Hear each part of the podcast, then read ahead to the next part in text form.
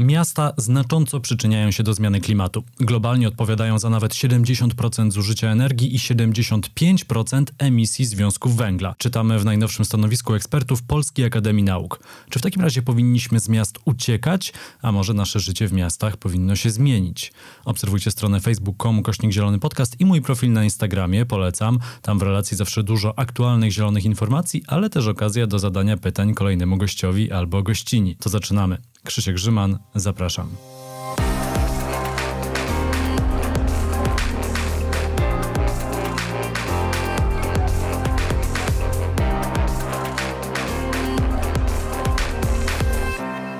Gościnią Zielonego Podcastu jest profesor Iwona Wagner, sekretarzyni zespołu doradczego do spraw kryzysu klimatycznego przy prezesie Polskiej Akademii Nauk e, i e, Wydział Biologii i Ochrony Środowiska Uniwersytetu Łódzkiego. Dzień dobry. Dzień dobry. Chociaż nie wiem, czy taki dobry. Spotykamy się w centrum miasta, w centrum Warszawy. No i jak czytam Państwa najnowsze stanowisko, to czytam o falach upałów w miastach, o ulewnych deszczach, o wiatrach, ale to brzmi trochę bardziej jak opis rzeczywistości, e, a nie przyszłości. A będzie jeszcze dużo gorzej się mieszkało w mieście? Wydaje się, że może być e, tak źle, na ile sobie pozwolimy, jeśli mogę tak powiedzieć, bo to, że już to się dzieje, to oczywiście jest faktem, dlatego że zmiany klimatu są z nami już od wielu, wielu lat. E, ja muszę powiedzieć, że przy okazji e, pracy w różnych zespołach eksperckich, które konstruowały miejskie plany adaptacji dla wielu miast w Polsce, przyglądałam się trendom klimatycznym, które analizowaliśmy i to było, było wiele indeksów i klimatycznych, i klimatyczno-opadowych i one wszystkie na przestrzeni ostatnich 70 y, lat, ponieważ na ogół te, te dane były y, analizowane od lat 50. zeszłego wieku, wykazują naprawdę zaskakująco jednoznaczne i bardzo silne trendy. To znaczy jesteśmy już w procesie, jesteśmy w procesie antropogenicznej zmiany klimatu od dawna. Rośnie temperatura, rośnie temperatura latem, rośnie temperatura zimą, rosną e, zjawiska ekstremalne, w tym temperatury ekstremalne. Zmienia się rozkład opadów, nasilają się e, takie zjawiska jak burze, silne wiatry, no więc dużo już się dzieje i myślę, że wszyscy to odczuwamy. Tak, ja to e, bardzo dobrze widzę, co jest akurat ciekawe, e, prowadząc kawiarnię w Warszawie. Jak zaczynaliśmy parę lat temu, wydawało mi się, że można prowadzić takie miejsce bez klimatyzacji. E, teraz widzę, że są tak długie fale upałów latem, że to jest ciężkie. Inna rzecz, dwa lata temu miałem zalanie kawiarni, ale takie nietypowe, bo woda tak naprawdę poleciała do góry z rur, dlatego że były tak duże opady w Warszawie, że infrastruktura miejska nie była w stanie odprowadzić wody deszczowej w mieście. A no właśnie, od czego tu zacząć? Bo, bo w tej chwili pan poruszył dwa takie z mojego punktu widzenia kluczowe e, problemy, które czekają nas, znaczy z którymi już się spotykamy, a, a których nasilenie czeka nas w przyszłości. To znaczy, z jednej strony to są te wysokie temperatury, które nakładają się na miejską wyspę ciepła, czyli taką charakterystykę miasta, która jest związana z jego strukturą, a z drugiej strony ta sama charakterystyka i struktura miasta, szczególnie uszczelnienie i pozbawienie miasta e, elementów otwartej wody i terenów zieleni, powoduje, że mamy problemy y, z opadem nawalnym trochę właściwie y, jeden i drugi problem, to, to, takie dwie strony tego samego medalu. Po prostu kompletnie zmieniliśmy y, krajobraz w, w obszarach zurbanizowanych, pozbawiając go tych elementów naturalnych, które wpływają w zasadniczy sposób na, na te dwa procesy, to znaczy na, na stabilizację temperatury i wilgotności oraz na, na cykl obiegu wody. To może jeszcze o tematu tego, mm, jak powinno się projektować miasta i jak w ogóle o tym pomyśleć jeszcze przejdziemy, ale zaglądając do raportu, w Warszawie śmiertelność wzrośnie nawet o ponad 200% po 2040 roku. To znaczy ta zwiększona umieralność wynika y, oczywiście z, przede wszystkim z tych bardzo wysokich ekstremalnych temperatur. I kiedy mówimy o wysokich temperaturach, to na ogół y, y, mówimy o tym, że miastom w szczególności zagrażają fale upałów, to znaczy te y, takie okresy, przynajmniej trzydniowe okresy, kiedy temperatura wzrasta powyżej 30 stopni. Takich okresów jest coraz więcej, one są coraz dłuższe i to znowu odwołam się do tych moich doświadczeń, o których już wspomniałam, że, że właściwie we wszystkich miastach w Polsce ten trend jest naprawdę bardzo wyraźny. No a będzie ich jeszcze więcej. Drugim takim niebezpiecznym zjawiskiem są noce tropikalne. To jest z kolei taka sytuacja, kiedy y, w ciągu doby temperatura nie spada poniżej 20 stopni. Jeżeli się y, nie jesteśmy w stanie wychłodzić, nasz organizm nie może odpocząć od tych wysokich temperatur, no to wtedy osoby, które są do tego predysponowane, jeśli mogę tak powiedzieć, mogą faktycznie odczuwać te temperatury bardziej, no i reagować na nie w różny sposób. No i tutaj w komunikacie też podajemy kilka takich przykładów i z Polski i, i ze świata, kiedy ta umieralność była znacznie większa w porównaniu z taką obserwowaną w czasie niższych temperatur. E, no, co jest związane przede wszystkim z e, osobami, które cierpią na przewlekłe choroby e, układu oddechowego, z osobami starsza, starszymi.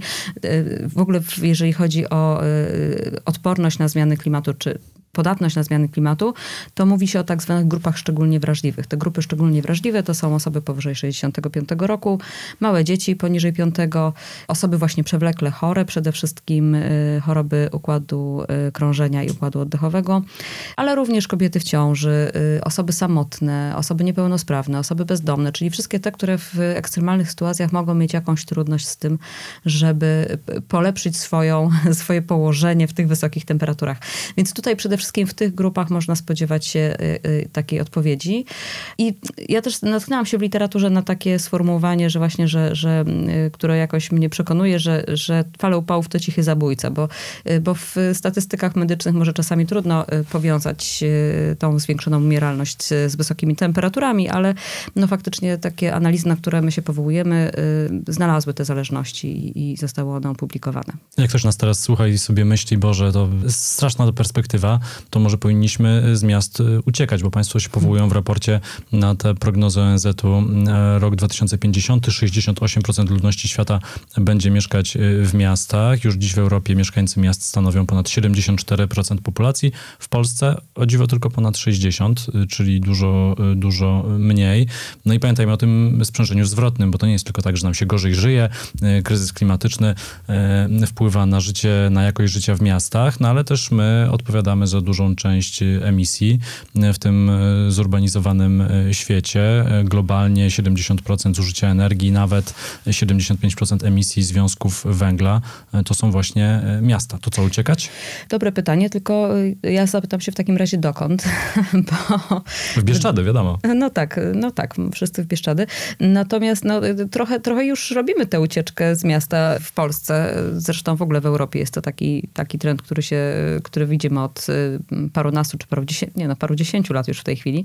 No i z tym na przykład związany jest problem suburbanizacji. Jeżeli każdy chce uciec z tego y, zatłoczonego albo źle zaprojektowanego, y, źle przemyślanego przestrzennie i, i, i dosyć szarego centrum i zaczyna wyprowadzać się na przedmieścia, to mamy na przykład takie sytuacje jak w kilku miastach w Polsce, że centrum zaczyna pustoszeć, natomiast przedmieścia zaczynają się zabudowywać. No efekt jest taki, że ten obszar zurbanizowany się po prostu powiększa. Y, miasta są coraz bardziej rozległe i coraz bardziej rozstrzelone i to niekoniecznie wpływa na, y, właściwie na nic nie wpływa, to znaczy wpływa bardzo negatywnie na wiele procesów w tym sensie. Y, to znaczy po pierwsze ludzie więcej podróżują, stoją w korkach, rozwija się infrastruktura drogowa, y, kanalizacyjna, y, energetyczna, właściwie każda. To znaczy inwestycje, które trzeba poczynić w związku z rozpełzaniem się miasta są ogromne, a z drugiej strony bardzo często jest tak, że y, ludzie nie, wyprowadzają się również poza granice administracyjne, wciąż realizując wiele swoich aktywności w mieście, na przykład aktywność zawodową, co związane jest po prostu z odpływem podatków, prawda? Jeżeli, jeżeli mieszkamy w gminach podmiejskich, pracujemy w mieście, to to samo miasto, które opuściliśmy, również również ubożeje na wiele sposobów. E, no więc tutaj jest bardzo, bardzo wiele procesów związanych e, z tą suburbanizacją i ani energetycznie, ani przestrzennie, ani przyrodniczo, co, co jest dla mnie e, osobiście dosyć istotne, to nie jest dobry, dobry model. Jednak ważne jest to, żeby, mm, żeby miasta były zwarte, o tym też piszemy. To, tam jest pozornie taka sprzeczność i to jest jakaś trudność planistyczna, mieć miasto zwarte, ale równocześnie zielone, prawda? Jak to zrobić? Natomiast na pewno odpowiedzią na te wszystkie problemy nie jest rozpełzanie się miasta i nie jest wyprowadzenie się z miasta. Właściwie trochę do, dotykamy takiego dużego tematu, yy, który dotyczy w ogóle pojemności Ziemi, jeżeli chodzi o, po, o populację ludzką. No jest nas yy, za chwileczkę 8 miliardów. To jest... Yy, w stosunku do, do przestrzeni, którą mamy do dyspozycji do gatunków, które, które zamieszkują naszą Ziemię, to jest, to jest y, absolutnie kosmiczna liczba. To przyjrzyjmy się, jak miasta teraz wyglądają, jak powinny się zmienić. Tak mówiłem, że rozmawiamy w Śródmieściu Warszawy w studiu. No nieopodal jest tutaj kilka takich miejskich inwestycji. No i ze smutkiem chyba wszystkie osoby, które się nimi interesują, widzą, że nawet jeżeli drzewa pojawiają się na jakimś projekcie, no to już na przykład trawnik bardzo rzadko. Wszystko w zasadzie musi być zapłytowane albo musi być tam wylany asfalt, albo musi być zakryta ta ziemia. A jak powinno się dzisiaj projektować miasto i o czym się powinno pamiętać, żeby, no, tak jak Państwo tutaj piszą, to planowanie przestrzenne i urbanistyka szły w kierunku kształtowania błękitno-zielonej infrastruktury? To może zacznijmy od tego, czym jest błękitno-zielona infrastruktura bo to jest taka koncepcja, która y, jakoś w, moim, w mojej świadomości i w moim świecie żyje y, dosyć intensywnie, natomiast y, często ostatnio mm, mam okazję doświadczyć tego, że, że niekoniecznie dla wszystkich ten zwrot jest bardzo jasny, chociaż intuicyjnie możemy, możemy się domyślić, prawda? Błękitno-zielona infrastruktura, czyli, czyli jakaś zieleń i jakaś woda. Ta koncepcja została zdefiniowana przez Komisję Europejską w 2013 roku, więc, więc już jakiś czas temu i była i błękitno-zieloną infrastrukturę określono jako sieć terenów zielonych i otwartej wody, która jest zaprojektowana w sposób strategiczny, która, y, która jest siecią, która służy temu, żeby dostarczać ludziom jakieś korzyści, które nazywa, nazywamy usługami ekosystemowymi. Więc y, definicja jest bardzo szeroka i tak naprawdę swój początek wzięła z kryzysu bioróżnorodności w Unii Europejskiej i z koncepcji e, sieci Natura 2000. Czyli, czyli patrzyła w ogóle na, na krajobraz w sposób taki bardzo szeroki, w dużej skali, w skali Europy. Duże powiązania, duże e, obszary przyrodnicze, duże e, korytarze ekologiczne, duże doliny rzeczne, więc, więc w szerokiej skali. Ale jest doprecyzowana i, i określa, że w skład tej sieci mogą wchodzić wszelkiego rodzaju elementy zielone, to znaczy i właśnie te, te wielkoobszarowe i, i jakieś systemy regionalne, y, czy, czy małe rzeki, czy, czy obszary z, zrehabilitowane, sztuczne elementy zielone, więc bardzo, bardzo dużo, dużo różnego rodzaju y, tych elementów błękitno-zielonej infrastruktury i w to wchodzą również wszelkie rodzaje zieleni na terenach miejskich. Czyli to będą parki, to będą cmentarze, to, będą, to będzie zieleń przyuliczna, skwery, zielone podwórka, klomby i właściwie wszystko, co możemy sobie, sobie wymarzyć. Natomiast to, co jest bardzo ważne w błękitno-zielonej infrastrukturze, to jest to, żeby zawsze mieć e, to połączenie wody i zieleni. To znaczy dużo miast właśnie poszło w kierunku projektowania zieleni. W swoim czasie bardzo dużo właśnie w tym kierunku, o którym pan wspomina, że to jest e, drzewo na betonie. No jest to zieleń, ale, e, ale możemy za chwilę porozmawiać o jej ograniczeniach. E, natomiast y, y, często jest, brakuje tego drugiego elementu, to znaczy elementu wody. Zawsze jak jest zieleń, jeżeli ona ma faktycznie funkcjonować i dostarczać nam te korzyści zwane usługami ekosystemowymi, to sama musi mieć możliwość przeżycia najpierw i funkcjonowania w sposób w miarę, y, w miarę prawidłowy. Czyli przede wszystkim musi mieć dostęp do wody. I tutaj bardzo ważnym elementem myślenia o błękitno-zielonej infrastrukturze w miastach jest to, żeby połączyć zieleń i zagospodarowanie wód opadowych.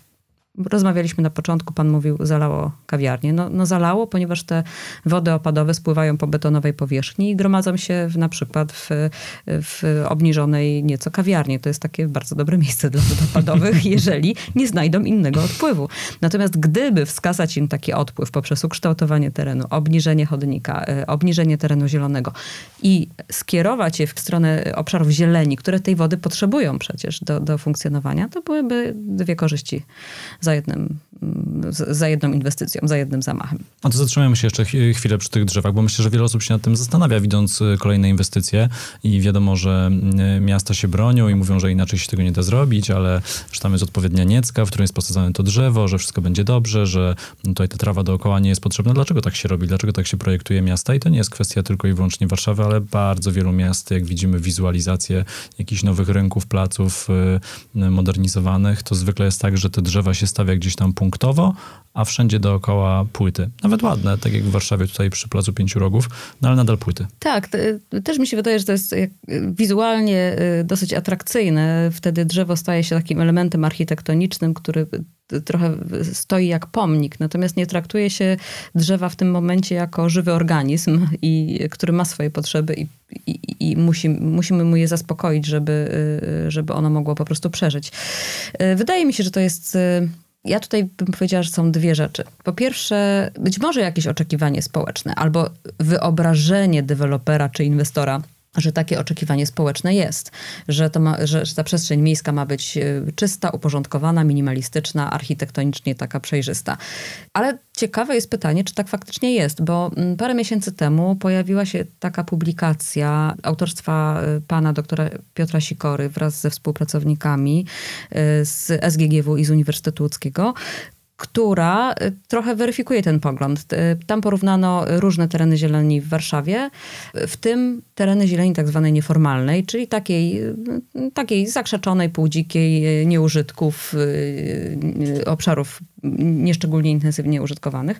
I co się okazuje, że takie tereny mają wyższą bioróżnorodność, mają dużo wyższą, dwa razy wyższą zdolność magazynowania dwutlenku węgla i wcale nie są gorzej postrzegane przez mieszkańców. Nie wiem, czy jest to kwestia Warszawy, czy w innych miejscach byłoby podobnie, czy, czy inaczej, ale jednak wydaje mi się, że rośnie bardzo mocno taka potrzeba i świadomość tego, że ta zieleń y, nie musi być taka, taka znowu uporządkowana, a, a ta bardziej dzika jest może nawet fajniejsza, ponieważ właśnie daje człowiekowi takie poczucie kontaktu z naturą, a nie z drzewem w doniczce. Więc wydaje mi się, że to jest jeden obszar, że jest jakaś obawa, że ta przestrzeń nie będzie wystarczająco elegancka.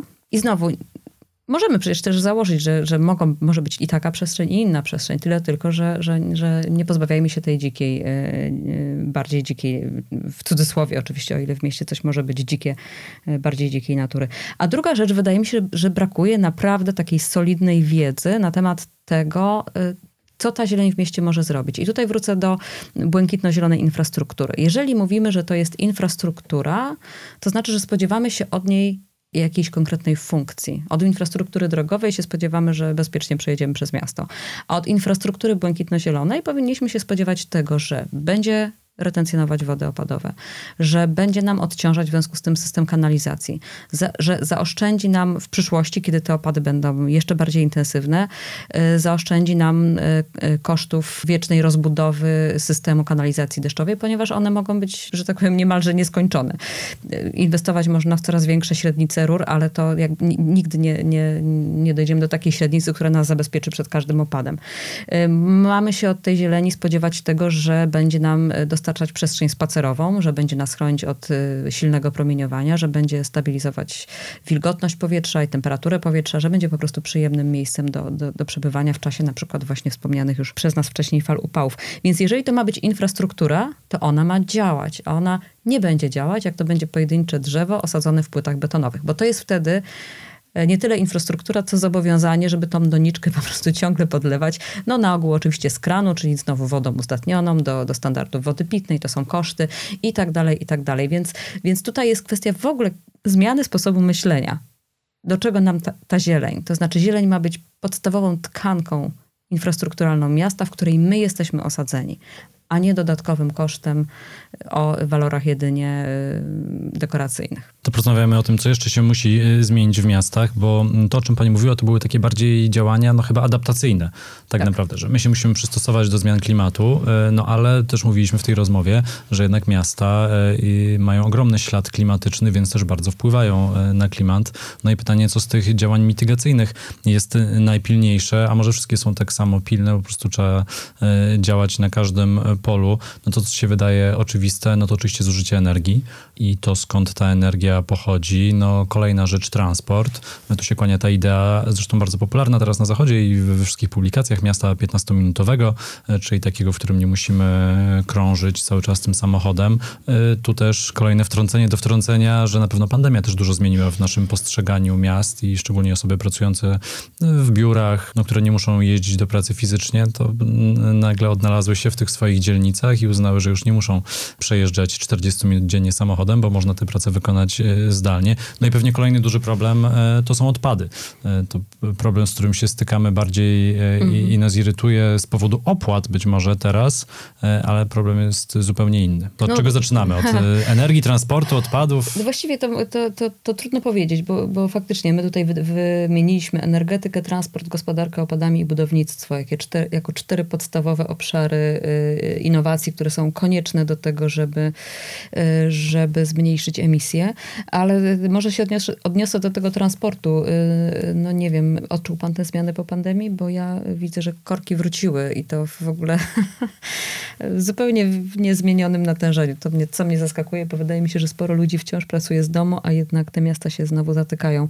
Ale to y, akurat może wynikać z tego, że część osób zmieniła przyzwyczajenia, że mniej jeździ transportem publicznym, albo transport Możliwe. publiczny może stał się nieco mniej wygodny, bo to niestety jest taka spirala później, że mniej osób jeździ, mniej osób kupuje bilety, mniej pieniędzy na transport, więc ścinamy połączenia, więc kolejne osoby się zniechęcają do jeżdżenia mhm. i to, to, pewnie powinno iść w drugą stronę tak naprawdę, że ten transport powinien być tańszy i bardziej przystępny. Chociaż w Warszawie akurat transport jest tani. Karta miejska kosztuje mhm. na e, kwartał 250 zł, e, więc to nie jest duży wydatek, no ale pewnie to, to, się, to się samo napędza, a inna kwestia to taka kwestia osobistego bezpieczeństwa. Część osób pewnie poczuła, że w samochodzie czują się po prostu bezpieczniej, a pandemia jeszcze nie odpuściła. No, jesteśmy gdzieś tam na progu czwartej fali. Tak, ja, ja bym może w ten sposób się spróbowała odnieść do tego tematu. Zamiast omawiać poszczególne y, sektory, to raczej wskazałabym na, na, taką zależność, że tutaj y, są potrzebne różnego rodzaju działania. Po pierwsze, oczywiście musi być jakaś zmiana, jakaś innowacja technologiczna, to znaczy w, w kwestie, które dotyczą nie tylko miast, a być może funkcjonowania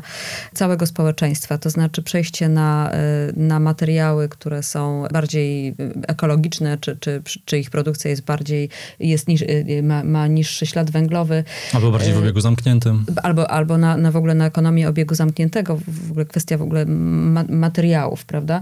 Kwestia efektywności energetycznej, e, przechodzenie też na, na źródła o niskiej albo zerowej najlepiej emisji dwutlenku węgla, czyli cała, cała ta technologiczna sfera, która bezpośrednio zmierza do redukcji dwutlenku węgla w to sposób taki łatwo wyobrażalny, powiedziałabym. Natomiast jest druga, e, drugi e, i, i pewnie nawet trzeci obszar, o którym chcę powiedzieć. Drugi to byłoby planowanie przestrzenne, bo bardzo dużo tych, tych rzeczy, o których mówimy, to na przykład transport, czy budownictwo, czy energetyka również, to są rzeczy, w które, które pewnie w znakomity sposób można sobie porządkować planowaniem przestrzennym, które no wiadomo, że w naszym kraju niestety funkcjonuje bardzo źle. E, ta gospodarka przestrzenna jest, jest dosyć chaotyczna i, i, i wymyka się właściwie wszelkim zapisom. Wszyscy wiemy, że, że właściwie w gospodarce przestrzennej można prawie wszystko w tej chwili. To jest jedna z najbardziej szkodliwych e, rzeczy, zarówno dla środowiska naturalnego, jak i dla klimatu, bo, bo wbrew pozorom to ma znaczenie, jak daleko jeździmy, dokąd jeździmy, jak budujemy, jak bardzo rozprzestrzeniamy swoją infrastrukturę, a przy okazji y, y, ta, ta, ta nieograniczona rozbudowa infrastruktury degraduje biosferę, która no jest fundamentem stabilizacji wszelkich kluczowych cyklów na, na, na Ziemi, na przykład cyklu właśnie obiegu węgla, czy, czy cyklu obiegu wody, które nam będą łagodzić zmiany klimatu, ale... Plus jest to oczywiście naturalnie niewygodne dla samych mieszkańców, bo ktoś oczywiście. kupuje mieszkanie, które na przykład jest tańsze, ale później tak, dzieci musi zawieźć do przedszkola dalej, autobus jeszcze nie podjeżdża, no autobus to może nawet podjedzie, ale rzadko, ale żeby tam podjechał tramwaj, no to pociągnięcie nowej linii tramwajowej wydaje się praktycznie niemożliwe, patrząc z perspektywy Warszawy i na ostatnie inwestycje. No i, i niemożliwe możliwy i w ogóle ekonomicznie w żaden sposób nieuzasadniony. No to, to znaczy to szaleństwo musi mieć jakąś granicę, bo gdzieś jednak jak, jakieś koszty efektywności muszą się, muszą się zgadzać. Y, natomiast trzecia, trzecia rzecz no to jest w ogóle chyba kwestia budowania świadomości, bo, mm, jakiejś odpowiedzialności osobistej, postaw y, y, jednostkowych, które być może na tym etapie zniszczenia klimatu nie są w stanie zatrzymać czy odwrócić procesu, nie są niestety już w tej chwili kluczowe, bo w tej chwili są naprawdę potrzebne duże decyzje polityczne, które y, będą szły w kierunku natychmiastowej dekarbonizacji. Tutaj nie ma na co czekać. Ale jeżeli chodzi o postawy społeczne, to tutaj ten nacisk oddolny myślę, że, że jest bardzo, bardzo ważny. No, czyli naprawdę miejmy świadomość tego, co się w tej chwili dzieje z klimatem i, i naciskajmy na, na dekarbonizację, bo, bo to jest jedyna droga naprzód.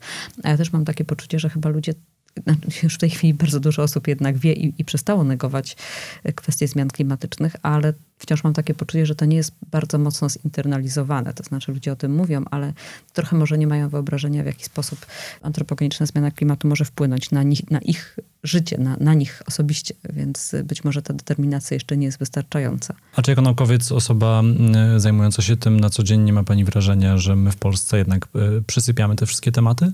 Że u nas, e, chociaż te informacje są dostępne w mediach i ten, e, to stanowisko, ten raport, on naprawdę przez wiele redakcji od z prawa do lewa było dużo wywiadów, że my gdzieś tego słuchamy, nawet część osób będzie miała jakąś refleksję później po tym wszystkim, ale ostatecznie ta rzeczywistość polityczna jest tak zupełnie odsunięta od tego najważniejszego, wydaje się dzisiaj tak naprawdę problemu i kryzysu, że może i będziemy mieli świadomość, ale my w zasadzie nic z tym nie zrobimy. No właśnie, no właśnie to jest ten, tak, tak, to jest to, co ja mówię, że świadomość to jednak mało. Świadomość jest ważna i ona się pojawia, ale trzeba to, to naprawdę zinternalizować i tego nie ma. Ja e, zgadzam się z panem i stąd ten interdyscyplinarny zespół do spraw kryzysu klimatycznego przy prezesie PAN, który w swoim zamyśle ma być takim e, ciałem, które od czasu do czasu będzie niepokoić e, opinię publiczną, swoją opinią w różnych tematach. Tych, tych komunikatów było kilka. Był pierwszy komunikat na temat zmiany klimatu i gospodarki wodnej, potem drugi na temat y, wzrostu poziomu morza, trzeci na temat dekarbonizacji, ten jest czwarty i następnych kilka y, już jest y, w przygotowaniu, ponieważ, ponieważ my chcemy niepokoić, ale w taki sposób rzetelny, naukowy, to znaczy mówić, jakie są fakty, co się dzieje, co się dziać może jak może to wpływać na gospodarkę naszego kraju, na społeczeństwo naszego kraju i na, na, na możliwość możliwości funkcjonowania. I mi się wydaje, że to jest taki no, ważny głos y, w tej dyskusji, bo byliśmy przez długi czas chyba w takiej sytuacji, że, że y, o zmianach klimatów mówiły y, tylko organizacje pozarządowe, które zrobiły fantastyczną robotę, ale, ale też myślę, że potrzebują wsparcia takiego dużego partnera naukowego, który swoim autorytetem również poprze, poprze ten, ten głos ulicy, no bo, bo wtedy może to nabiera trochę większej siły, mam nadzieję. To jeszcze jedno e, pytanie, też e, na, na, na granicy nauki i polityki, szczególnie odnośnie tego ostatniego opracowania. E, a czy politykę klimatyczną, no bo mowa jest o miastach, da się wprowadzać na poziomie samorządowym bez wsparcia ogólnokrajowego? Nie wiem. Myślę, że bardzo wiele działań można podejmować na, na poziomie samorządowym. Natomiast no, na pewno nie załatwi to kwestii dekarbonizacji i, i tych cięć, które powinniśmy robić w tej chwili, w, y, które wynikają chociażby z porozumienia paryskiego. Więc tak jak też pisaliśmy w swoim raporcie, nie da się zrobić tego bez samorządów, ale na pewno nie przerzucałabym całkowicie tej odpowiedzialności na samorządy. To już w tej chwili powinien być naprawdę wspólny wysiłek. No tak, no, można kupić do taboru Miejskiego Zakładu Autobusowego pojazdy y, zeroemisyjne, ale cały czas w miksie energetycznym 70% energii będzie pochodziło z węgla. No i to trochę pokazuje problem. Tak, tak. No to, co miasta mogą robić, to zdecydowanie pracować nad, nad y, planowaniem przestrzennym, nad planowaniem strategicznym, nad wdrażaniem miejskich planów adaptacji. W końcu wiele miast już ma takie plany. 44 miasta powyżej 100 tysięcy mieszkańców oraz wiele małych również. Natomiast y, wciąż pozostaje aktualne pytanie o świadomość i internalizację. To znaczy, na ile te plany staną się priorytetem i będą wyznaczać y, drogę naprzód i faktycznie są skonstruowane tak, że będą adaptować miasta, ale to znowu jest tylko adaptacja ale będą również y, miasta działać w kierunku y, mitygacji, czyli ograniczenia dwutlenku węgla, a na ile to są dokumenty strategiczne tylko. No ja bym bardzo sobie życzyła tego, żeby miasta y, potraktowały te, te opracowania bardzo poważnie i naprawdę postawiły w tej chwili klimat na pierwszym miejscu. Bo tak jak pan powiedział, ja się zgadzam, nie ma teraz ważniejszej rzeczy. To jeszcze jedno pytanie na koniec, chociaż kiedyś wydawało mi się, że zawsze powinno się na koniec zapytać i powiedzieć, a co my jako jednostka możemy zrobić. No im dłużej tym, tymi tematami człowiek się interesuje, tym bardziej chyba jednak ma wrażenie, że potrzebujemy bardzo wielu zmian systemowych y, i że te nasze pojedyncze działania to jest bardzo często y, świetny wytrych i dla rządów, i dla szczególnie korporacji do mówienia o tym, no zobaczcie, każdy z nas teraz podniesie tę jedną pustą butelkę z ziemi, to posprzątamy całą planetę. No ale są rzeczy, które możemy robić, to na pewno, no kwestia transportu, to są nasze wybory, kwestia odpadów, a może zupełnie inaczej, może taką miejską partyzantkę trzeba uprawiać i wziąć łom, wyłamać kilka e, betonowych e, płyt e, z chodnika i zacząć tam coś sobie siać i przynajmniej, żeby tam trawa urosła. No, Tak, myślę, że w ogóle w wielu miastach się dzieją takie rzeczy. Mieszkańcy naprawdę albo sami, albo poprzez różne naciski yy, powodują to, że, że ta przestrzeń się zaźlenia. Tylko znowu to jest działanie bardziej w kierunku adaptacji niż mitygacji. Yy, ale yy, myślę, że to jest, zresztą bardzo, bardzo wiele osób faktycznie pyta o to, co, co można robić. I no, tego typu rzeczy można próbować robić. To, co wydaje mi się hmm, kluczowe, nie wiem, naprawdę. Ja się, ja się przy, takich, przy, przy takich pytaniach męczę, bo, bo niestety mam takie poczucie właśnie, że, że jednak zmiana systemowa w tej chwili no nie ma nic ważniejszego niż dekarbonizacja. No możemy się adaptować, ale, ale, ale no musimy sobie jedną rzecz uświadomić, że każda adaptacja ma jakieś granice. To znaczy w tej chwili już mamy 1,1 stopnia więcej już, albo dopiero, nie, no już. Już w sensie, że to jest bardzo dużo, a dopiero dlatego, że za chwileczkę będzie półtora i to będzie dużo więcej. No ten ostatni raport IPCC nie pozostawił wątpliwości. Półtora osiągniemy na pewno, dwa prawdopodobnie też. No, y, czyli jesteśmy na początku tej drogi, a już y, proszę zobaczyć, co się dzieje z naszymi miastami. Te powodzie w tym roku w Krakowie, w Poznaniu, w wielu innych miastach. One się zresztą powtarzają co roku, więc, więc te, te, te skutki już mamy, będzie ich jeszcze więcej, a jeżeli się nie pohamujemy z dwutlenkiem węgla, to do końca wieku będziemy mieć 4,4 stopnia. No to, jest, to będzie 4 razy więcej niż teraz, dokładnie, tak? Więc wtedy dopiero ten system naprawdę się rozchwieje i wtedy również cała e, ta struktura biologiczna, o której mówię, że ona jest jakimś naszym buforem, który stabilizuje pewne rzeczy, stabilizuje mimo wszystko jakość, obieg wody, obieg węgla, e, innych pierwiastków, które są kluczowe dla funkcjonowania również człowieka, który jest częścią biosfery, ona się po prostu rozsypie. 4 stopnie to jest bardzo dużo. To jest e, taki moment, kiedy wszystkie e, procesy w, w, ekosystemach zaczynają się po prostu rozregulowywać. Każdy zaczyna e, zmieniać tempo, zmieniać to tempo w inny sposób, zmieniać zakres. Niektóre gatunki zaczynają wypadać, już wypadają przecież. Więc będziemy mieć do czynienia z jakimś zupełnie innym systemem przyrodniczym, który być może nie będzie wspierał funkcjonowania człowieka e, w taki sposób, jakbyśmy chcieli, w taki sposób, jak to się dzieje do tej pory. No, no i chyba tutaj możemy postawić kropkę. E, na razie pamiętajmy o tym, że planeta sobie bez nas poradzi, to my sobie nie poradzimy bez planety. E, profesor Iwona Wagner, sekretarzyni zespołu doradczego do spraw kryzysu klimatycznego przy prezesie Polskiej Akademii Nauk i Wydział Biologii i Ochrony Środowiska Uniwersytetu Łódzkiego była gościnią Zielonego Podcastu. Bardzo dziękuję za rozmowę. Bardzo dziękuję. To był Zielony Podcast, kolejny odcinek w niedzielę. W wolnym czasie zajrzyjcie na stronę facebook.com gośnik Zielony Podcast i mój profil na Instagramie. Tam w relacji zawsze dużo aktualnych zielonych informacji, ale też okazja do zadania pytań kolejnemu gościowi albo gościni. Krzysiek Grzyman, do usłyszenia.